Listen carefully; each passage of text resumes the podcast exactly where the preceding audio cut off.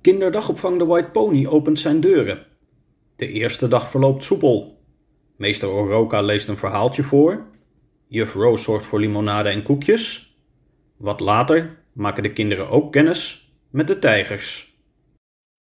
Hoofdstuk 39 Verschillende reacties. Ja, Brandon en Nicole hebben gisteren ook een leuke eerste dag gehad, zei Melissa tegen de moeder van Jeremy en Anna. Het was net acht uur geweest. In het landhuis had Oroka zojuist op de knop gedrukt, waarmee het hek van de toegangspoort geopend kon worden. Kinderen en ouders liepen over het gras naar de White Pony. Carlos en Jeremy renden voor de anderen uit. Er was alleen één ding dat ik niet goed begreep, maar dat zal ik zo wel aan Oroka vragen. Wat was dat dan? Nou, ze hadden het de hele tijd over twee tijgers. Ze raakte er niet over uitgesproken. Ik heb ze een paar keer gevraagd wat ze bedoelden. Knuffels, tekeningen, heeft de meester een verhaal voorgelezen over tijgers? Maar ze bleven maar volhouden dat ze echte tijgers hebben gezien. Met die twee van mij was het precies hetzelfde. Ja, ik herken het ook. Daarom loop ik even mee, zei de vader van Shelley, die achter de twee vrouwen liep en hun gesprek had opgevangen. De tijgers? Voor Oroka verzamelde zich een groepje ouders. Willen jullie ze ook even zien? Dat kan wel hoor. Kom maar mee. Met de ouders liep Oroka naar het tijgerverblijf. Oh my gosh! Melissa sloeg haar hand voor haar mond. Dit kan toch niet? riep de moeder van Jeremy en Anna, nadat ze van de eerste schrik was bekomen. Jeremy, Anna, kom hier, nu! Ze pakte haar kinderen ieder bij een arm. We gaan weg.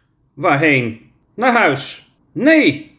Jeremy probeerde zich los te trekken, maar dat lukte niet. Ook Anna probeerde tevergeefs aan de greep van haar moeder te ontsnappen. Beide kinderen begonnen te huilen, terwijl ze door hun moeder werden weggesleept. De moeder van Floyd riep haar zoontje ook bij zich. Haar toon was kalmer, maar Floyd had gezien wat er zojuist met twee van zijn klasgenootjes was gebeurd. Waar hij de vorige dag geen afscheid van zijn moeder had willen nemen, besloot hij nu enige afstand te bewaren. Iedere stap die zijn moeder naar voren zette, deed hij er twee achteruit. Floyd, hou daar eens mee op. Ik wil dat je even hier komt. Waarom? Ik wil dat je even hier komt. Waarom? Floyd hield zijn vraag, die niet beantwoord werd, nog even vol, tot ook hij in de handen van zijn moeder belandde. Luid krijzend werd hij weggedragen langs dezelfde route als Jeremy en Anna. Het huis door, het terrein af, mama's auto in. De overgebleven kinderen keken wat beduust naar hun ouders. Terwijl de rust wat leek terug te keren, sloeg Shelley haar armen om haar vaders middel. Ik mag toch wel blijven, pap? Jawel, maar we moeten wel even bedenken wat we hiermee doen, Shell. Als er hier kinderen langs dit hek gaan rennen, of te dichtbij komen, en zo'n tijger haalt uit. Ja, maar zo dom ben ik toch niet, pap? Jij bent hier een van de oudste, Shell. Er zijn hier hele jonge kinderen. Hoe komen jullie aan die tijgers? Ze zijn van de vorige eigenaren, antwoordde Row. En jullie hebben besloten ze te houden? Ja. Ik stel voor dat ik vanmiddag even langskom met een collega. Daar kan ik wel tijd voor maken. Dan nemen we materialen mee en dan zetten we dit verblijf af. Helemaal rondom. Met een meter of twee afstand tot het hek. Heb jij daar ervaring mee? vroeg Melissa. Ja, dat komt wel goed. Melissa keek op haar horloge. Daar vertrouw ik dan op. Ik moet gaan. Ik ben al laat. Brandon, Nicole, kom eens hier. Luister, lieverds. Tijgers zijn heel gevaarlijk, dus jullie mogen niet in de buurt van dit hek komen. Begrijpen jullie dat? Die meneer gaat het hier zo in orde maken, zodat het veilig is. Oroka, jij let ook wel op, toch? Melissa gaf Brandon en Nicole een afscheidskus. Ook de andere aanwezige ouders stelden hun vertrouwen in de vader van Shelley en in de waakzaamheid van Oroka en Roe. Ook zij namen, de een wat ongeruster dan de ander, afscheid van hun kinderen. Meester Oroka, zei Brandon nadat alle ouders waren vertrokken. Misschien is dit een goed moment om nog een verhaaltje voor te lezen over Wumpy. Sommige kinderen zijn geschrokken omdat er nu een paar kindjes niet meer zijn.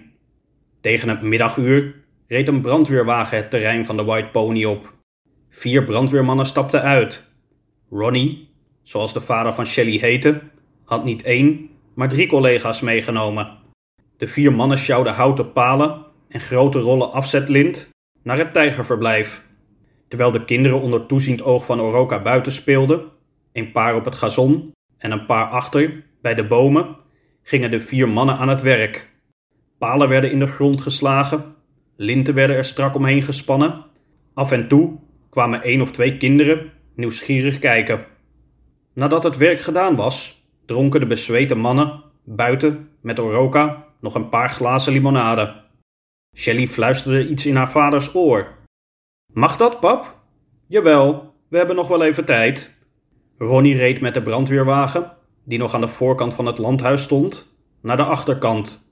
Daar rolde hij een grote brandweerslang uit, waarmee hij de kinderen een paar minuten nat spoot. Het is al bijna kwart voor vier, O. Vind je het ook niet vreemd dat Brandon en Nicole nog niet zijn opgehaald? Een beetje vreemd is het wel, ja. De andere kinderen waren allemaal al weg. Piet was als laatste opgehaald. En dat was toch ook alweer een half uur geleden. Oroka keek naar Brandon en Nicole. De een zat een boekje te lezen, de ander was aan het tekenen. Ik bel Melissa wel even. Oroka kreeg Melissa's voicemail te horen en hing op. Vlak daarna belde Melissa zelf terug. Sorry Oroka, ik ben het helemaal vergeten. Ik bedoel, ik ben de kinderen niet vergeten, maar ik kan ze vandaag niet ophalen. En ik ben vergeten te vragen aan mijn moeder of zij dat vandaag kan doen. Ik heb haar net gesproken. Ze is er over een half uurtje. Goed? Ja hoor, dat is geen probleem. Ze lopen ons niet in de weg. Oh, gelukkig. Nogmaals, excuses Oroka. Brandon en Nicole werden opgehaald door hun oma, die ook juf bleek te zijn geweest. Haar kleinkinderen lieten haar de tijgers zien. Ze vertelde dat ze zelf gedurende een jaar of vijf een schildpad in haar klas had gehad. Er is hier ook nog een eend, zei Nicole.